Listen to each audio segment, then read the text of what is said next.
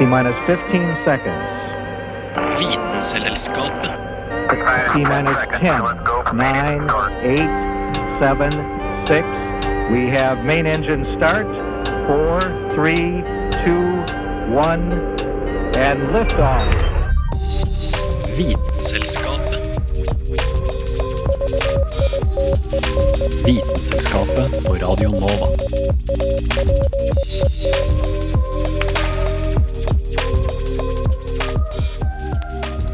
Hei og velkommen til Vitenselskapet. I dag skal du få lære om restaurering av kropper, legemer, kunst og dinosaurer. Så det er bare å henge med. Hæla i taket med Vitenselskapet.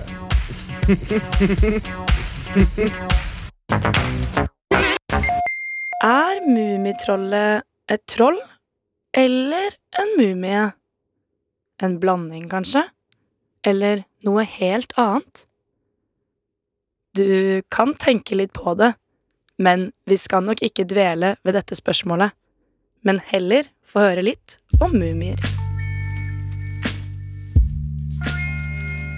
En mummi er et lik som enten naturlig eller kunstig har unngått forråtnelse, slik at hud, hår, muskulatur og andre vev har blitt bevart. En naturlig mummi blir til dersom en person dør i et miljø som kan bevare liket, sånn at det unngår forråtnelse.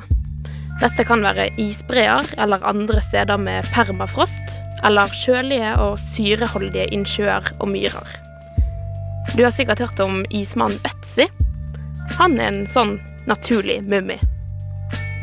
Kunstige mumier er lik som har blitt balsamert, altså behandlet med ulike kjemikalier som bevarer kroppen sånn at den ikke råtner. Det gamle Egypt er nok mest kjent for å ha drevet med balsamering og mumifisering av lik.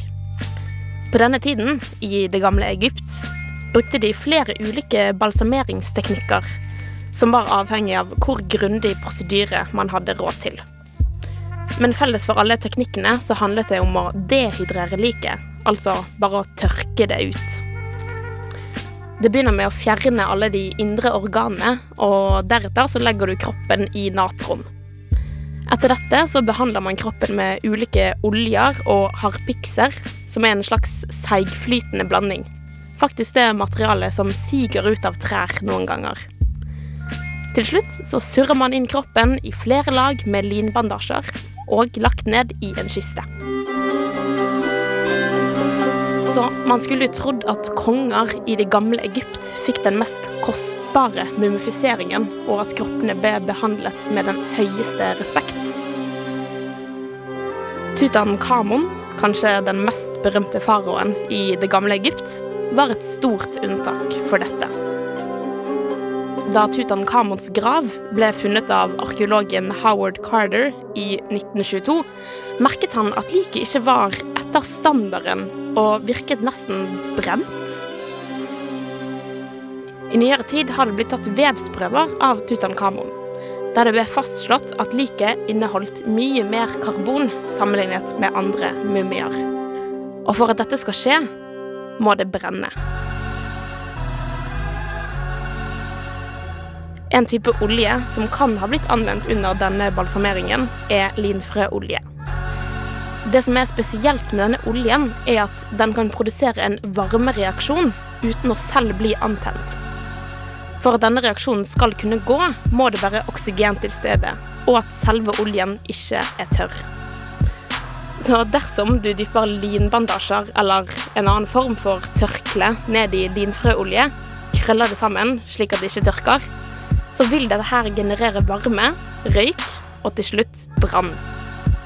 Akkurat dette her har for så vidt vært mange grunner for branner i bolighus også. Så for Tutankhamon sin del kan det være det som skjedde under hans balsamering.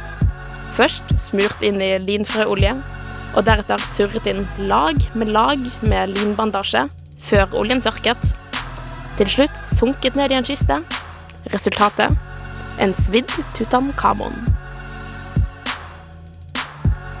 Vil du høre mer om Tutankhamon, kan du se dokumentaren Ultimate Tutankhamon. Der kan du blant annet se hva som skjer med blandingen av linfrøolje og linbandasje. Og denne saken ble laget av Anna Vik Røsseth. Oslo 2 igjen, Oslo 2. Dette er Vitenselskapet. Radio November, Oskar, Viktor. Alfa.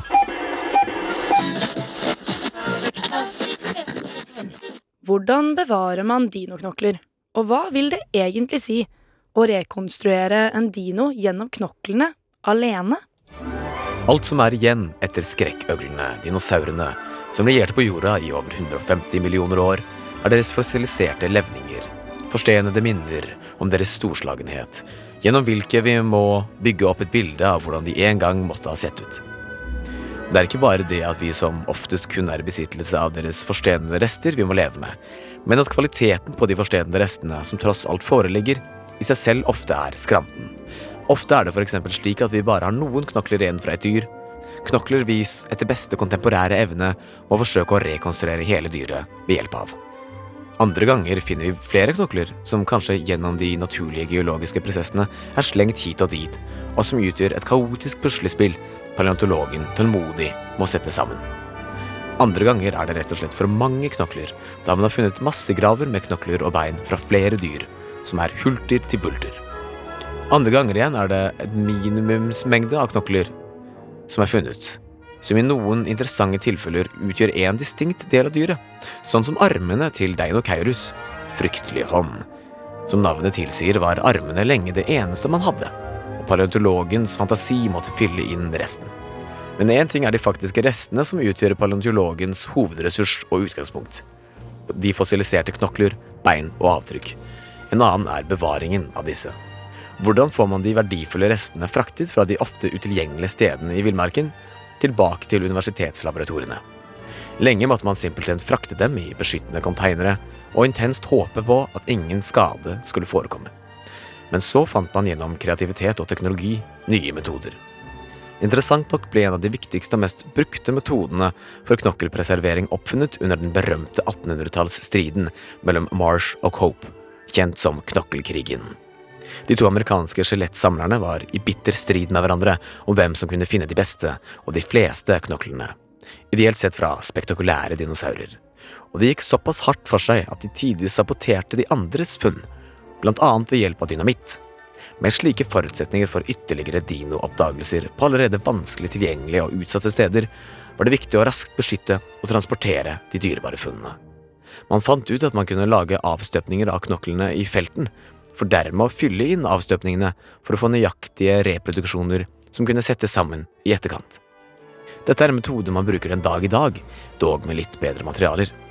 De fleste skjeletter vi ser på museum, er ikke de opprinnelige knoklene til dinoene, men grundige rekonstruksjoner av robust materiale. Ofte komplementert av rekonstruksjoner av de delene av det gitte dyret man ikke fant. Annen teknologi som laserregistrering og 3D-printing har økt kvaliteten på både analysen, dokumentasjonen og den påfølgende rekonstruksjonen, og gitt oss økt innsikt i ikke bare skjelettstruktur, men også hvordan musklene var festet på kroppen. Med andre ord er vi inne i en gyllen tid der vi vet mer enn noen gang før av ikke bare hvordan dinosaurene kan ha sett ut, men også den atferden de hadde da de levde. Og det kommer stadig inn nye funn som utfordrer og oppdaterer vår kunnskap om skrekkuglene. Og dette innslaget ble laget av Dag August Schmedling Dramer. Du hører på Vitenselskapet på Radio Nova.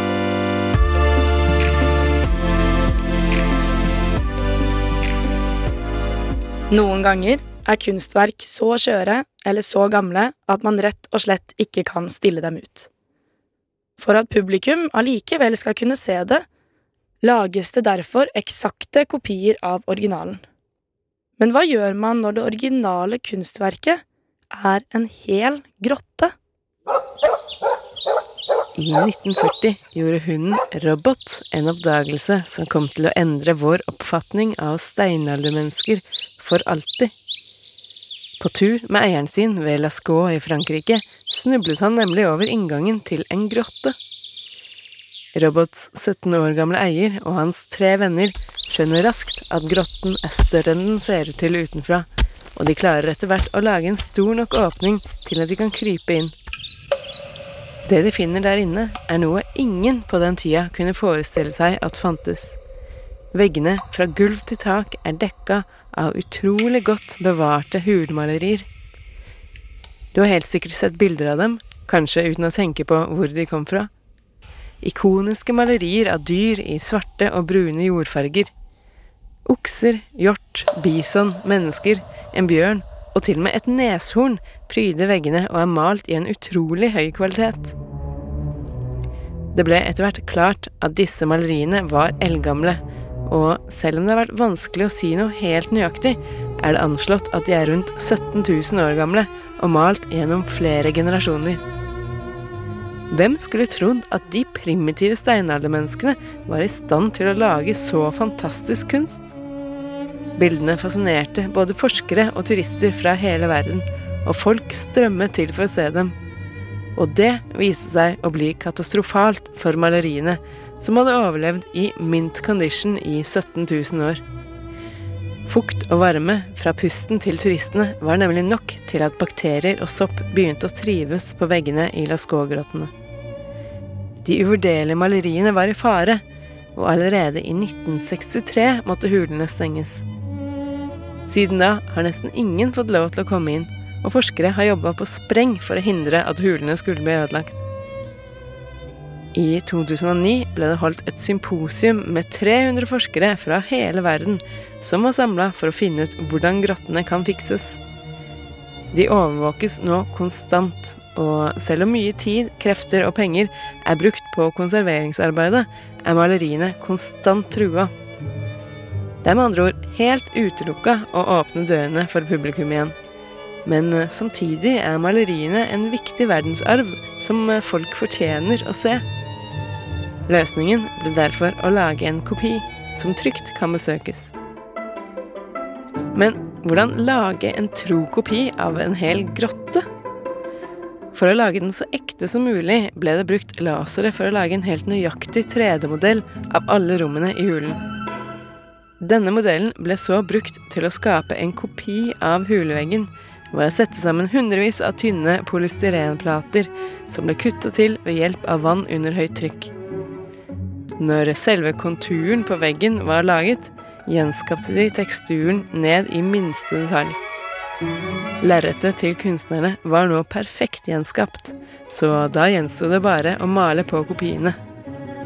For å få det helt riktig ble det tatt veldig detaljerte bilder av maleriene, som ble projektert på veggene for å sikre at kunstnerne malte det nøyaktig slik det skulle være.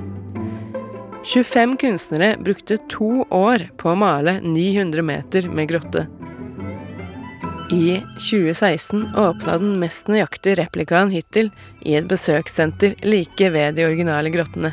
Og visstnok skal til og med temperaturen og luftforholdene være likt som i den originale Lascaux-hulen.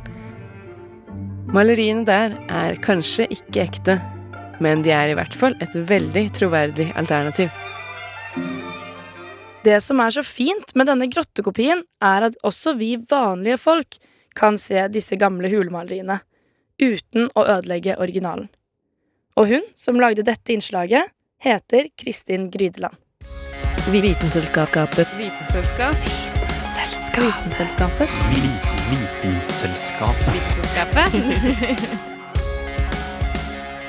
Mumier er som vi alle vet en stor del av gammel egyptisk historie. Men visste du at de også forekommer helt naturlig rundt om i Europa?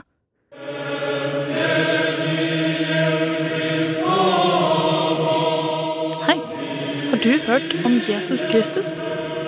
Tenkte meg det, ja.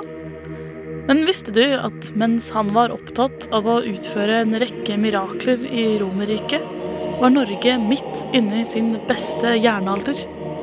Den som varte fra omkring år 1500 før vår tidsregning til rundt år 500. Som du sikkert kan tenke deg fram til, ble denne tidsepoken kalt jernalderen fordi man da begynte å erstatte bronse med jern når man skulle lage redskaper. Dette demokratiske metallet var nettopp så tilgjengelig fordi det var avsatt i myrer. Senere skulle det vise seg at det ikke bare var jern i myra, men også godt bevarte lik.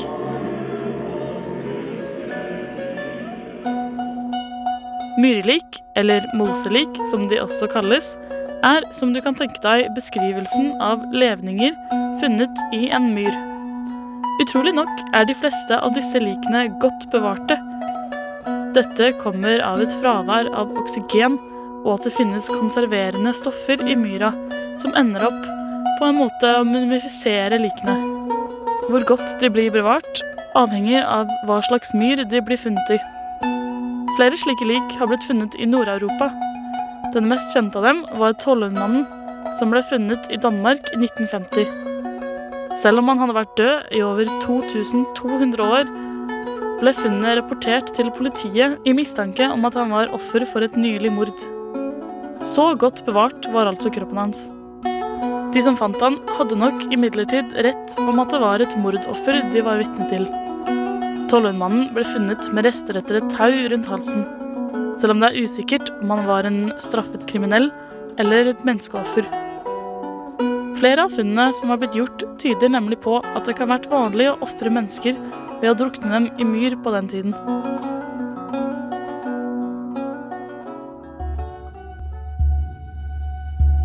Har du noen gang tenkt på hva du ville valgt som ditt siste måltid?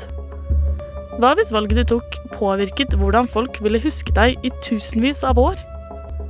Ville du valgt bringebær? Det høres kanskje rart ut, men det var det som skjedde med den passelige oppkalte bringebærjenta. Hun var enda et myrlik som ble trodd å være et nylig mordoffer da hun ble funnet. Men nyere karbondateringer antar at hun døde for rundt 5000 år siden. Den da omtrent 19 år gamle jenta ble også funnet med bøyde ben, noe forskere tror var et tegn på at hun også var bundet fast da hun ble begravd, selv om taurestene hadde råtnet bort for lengst. Dessverre er ikke skjelettet til jenta komplett, så ingen kan vite helt sikkert hvorfor hun døde.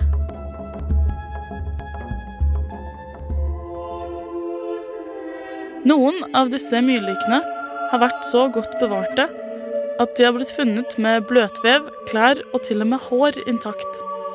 Men fordi de ofte har ligget under myren i flere tusen år, er det vanskelig å sikkert si hvorfor de døde eller ble drept. Men det er en gjennomgående teori om at flere ble ofret til gudene.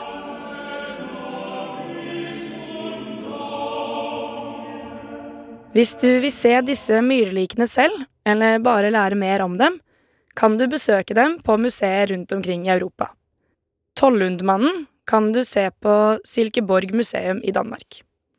Og dette innslaget ble laget av Julianne Li Fjell. Vitenselskapet. Vitenselskap. Vitenselskapet. Vitenselskapet. Vitenselskapet. I dag skal vi igjen sette oss ned i devolusjonsmaskinen vår. Favorittekspert Peter Bøckmann. Noen dyr er mer tilsynelatende aggressive enn andre, og flekker gjerne tenner om du eller andre dyr kommer litt for nære. Men hvorfor gjør de egentlig det? Og hvorfor gjør andre ikke det? Flash, flash, flash.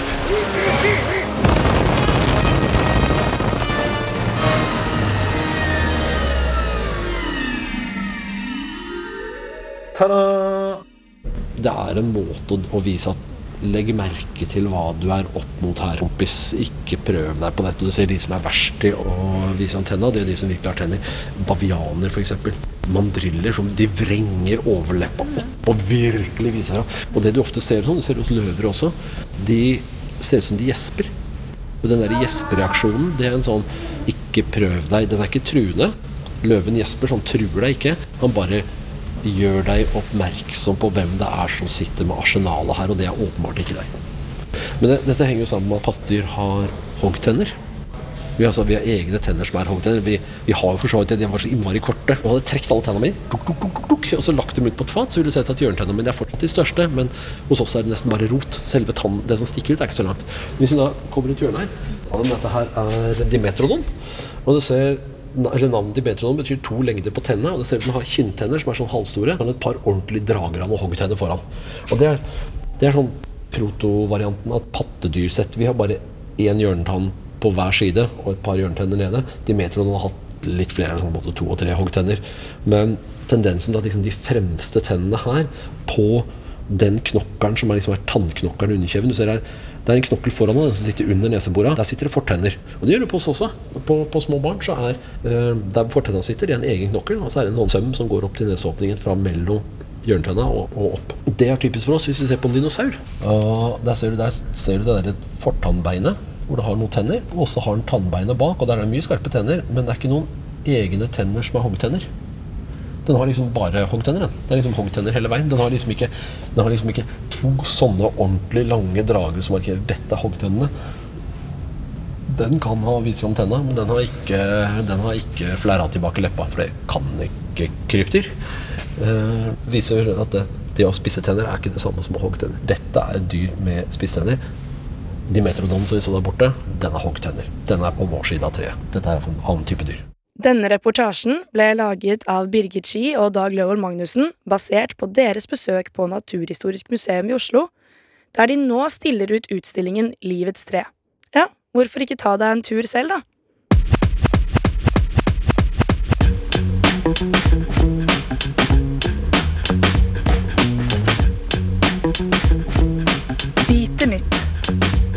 Det du trenger å vite. Ja, og nå er jeg så heldig å ha fått med meg Ida Katrine Vassbotn inn i studio. Ja, hei, hei, hei, det er meg. Ja, velkommen. Hva Takk. skal du fortelle meg om i dag? Ja, vi skal jo ha Vitenytt nå. Ja. Eh, da har jeg søkt litt rundt og sett om det har skjedd noe spennende i, i denne fine verden. Eh, Ja, fant du noe spennende? ja, delvis. Eh, vi kan jo si at eh, noe av det første jeg fant, var at her om dagen, og også tidligere, så har det snøa svart i Sibir. Nei. Altså det har kommet svart snø. Og ikke sant, svart snø det er jo ikke så veldig rart. Det ser vi jo i veikanten her, veldig typisk storbyaktig. Eh, Men den kommer jo som ofte så hvit ned, og så blir den svart. Så den har faktisk kommet sort fra himmelen allerede? Forurensa? Ja, det har den. Fordi at eh, i dette området i Sibir så eh, har de noe kullgruve. Og det som er jo, det er jo mye, i hvert fall her til lands er det jo mye regler over hvor mye du må filtrere, og de, veldig mange sier jo at ja, vi filtrerer så og så mye ut av det som kommer ut, og, eh, men så er det jo kanskje ikke ofte så målinger på om de faktisk filtrerer så godt som de sier. Og det er jo ganske tydelig at det har ikke skjedd her i Russland. Fordi at her i Russland så eh, har rett og slett snøen kommet ned helt svart, og det er rett og slett av forurensning av eh, altså karbonutslipp som gjør da snøen som kommer ned svart. Så det ligger i lufta allerede. og Da kan du tenke deg hva det kan gjøre med luftveiene. Altså, eh, der jeg er ifra, så hadde jeg et sånt her problem før, for da, det er eh, gamle gruveby, og da var det eh, utslipp som ikke ble rensa, og da kunne ungene hoste gult. Klærne som hengte ute, kunne bli gule. Og eh, når det var fotballkamp hjemme, så sleit ikke Da sleit ikke de ungene som eh, tilhørte bygda, men de ungene som kom, de sleit skikkelig med å puste, for det var så hard luft. Eh, Men at det her fortsatt finnes i Russland, jeg vet ikke. Henger de så godt etter? Kanskje. Men eh, det her er jo et godt eh, eksempel på at eh, de må faktisk fikse det der. Vi håper jo at de tar et steg og kanskje fikser så det ikke blir så mye utslipp. Og så fant jeg ut eh, en annen nyhet som jeg fant Nå må vi referere til eh, forskning.no. Og eh, der sier de nå er det påvist du kan lære nye ord i søvne. Oi. Ja, Hva tenkte du da? Tenkte du at vi skal lære oss nye språk? Ja, jeg tenker kanskje det. Ja. Eh, det har seg sånn at det er en forskningsstudie i Tyskland der de ba flere, for, eh, flere folk som skulle være med på forskninga, og kom, og så skulle de søve. Og de skulle ikke vite hva de skulle være med på, da. Og så eh, fikk de da, når de søv, så fikk de eh, fortalt ord. For eksempel eh, elefant, og så fikk de fortalt et annet ord for elefant. Men det er litt sånn gibberish, altså et eh, tulleord. Okay. Altså de sier elefant er snamsna, ikke sant?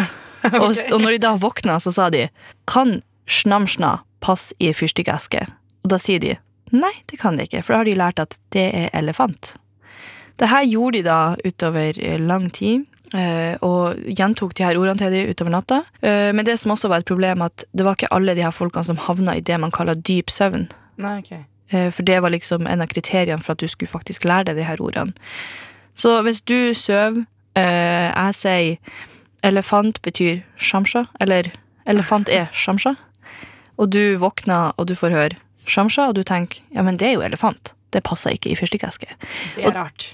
Ja, eh, men det, da har de bevisst det at du finner eh, det du har Når mens du sover, så lærer du deg nye ting på samme måte som du gjør når du er våken.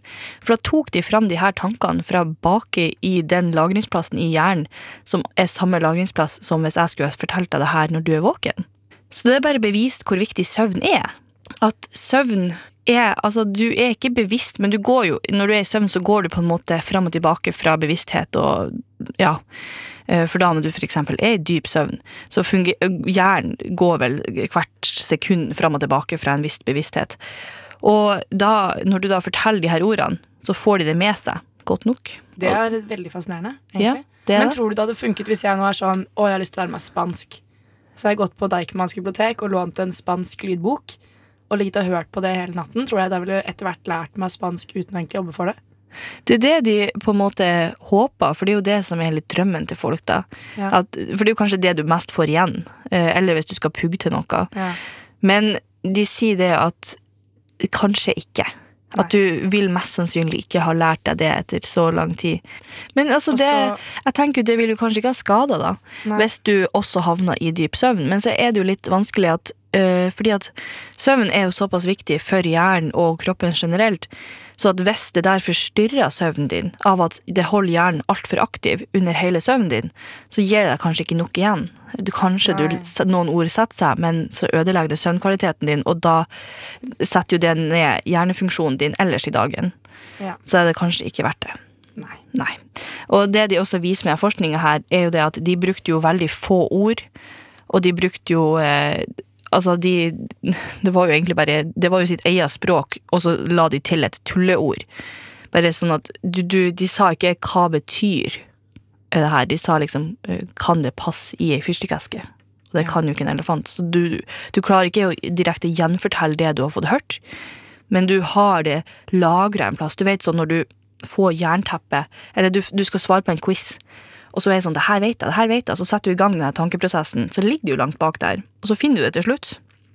Så det er på en måte en sånn måte du gjør når du da blir spurt om det her du blir fortalt i løpet av natta. Men det de også sier, da, eller ikke de her forskerne i Tyskland, men noen forskere som har blitt spurt her i eh, Norge, at eh, vi må ta det her til oss som en bra ting, for at det viser hvor viktig det er å sove. For eksempel hvis du pugger da til Nå sier jo veldig mange forskere at hvis du har eksamen, kroppen din tåler å ha lite søvn. Men altså, det her beviser jo bare det at kanskje søvn har så mye å si at det er verdt å legge seg en time tidligere enn å sitte opp en time lenger. Ja, det var noe noe lærerne på Steinerskolen, der hvor jeg gikk, fortalte meg. De sa alltid 'gå hjem og so søv', holdt jeg på å si nå. Gå hjem og sov på det. Så vi hadde alltid repetisjon neste morgen av det vi hadde lært dagen før, før vi skulle begynne å prosessere faget. Det er kjempebra. Så de vil alltid liksom undervisning, Ja. sove over det, Ja. gjenta det, og så kan dere skrive liksom notater til det. Ja, og det beviser bare hvor viktig det er å la ting synke inn og sove. Men det blir jo en helt annen sak. Men det vi i hvert fall får ut av det her, er at folkens, søv. Det skal i hvert fall jeg ta til meg, eh, for da er jeg ikke så veldig god på akkurat det. Nei, ikke jeg heller. Og for i oppsummering så kan man jo si at eh, det de her forskerne sier, er jo at de her eh, At vi har lært at de her hjernekonstruksjonene ser ut til å forme minner. Altså mens du sover, så former du minner uten at vi var klar over at det var sånn her det funka. Og uansett, av, uansett hvor dypt du sover, eller så kan du på en måte få minner av det som skjer når du sover. Du får rett og slett fått en minne når du sover. Og det forhåpentligvis får vi lære mer om. Så kanskje vi lærer oss til slutt en teknikk som kan gjøre at vi kan kanskje lære mens vi sover, uten at vi ødelegger søvnen vår. Ja, tusen takk for at du kom eh, hit i dag, Ida. Ingen problem, ingen problem. Alltid her for deg. Og det var alt vi hadde for i dag. Ja, takk for at dere hørte på, alle sammen. Og vi er forhåpentligvis eh, som oftest tilbake om ei uke. Vitenselskapet. Ja, Ja, men vi, må, vi må si forhåpentligvis, fordi vi vet jo aldri hva som skjer her i verden. Nei. Og i mellomtida, hør på oss på Podcast Ja. og Soundcloud, og følg oss på Instagram og Facebook. Finn oss også på Spotify. Ja, vi gjør det. Ja. Det er tøft. High-tech. Hør på oss på Spotify. Ha Ha det. det bra.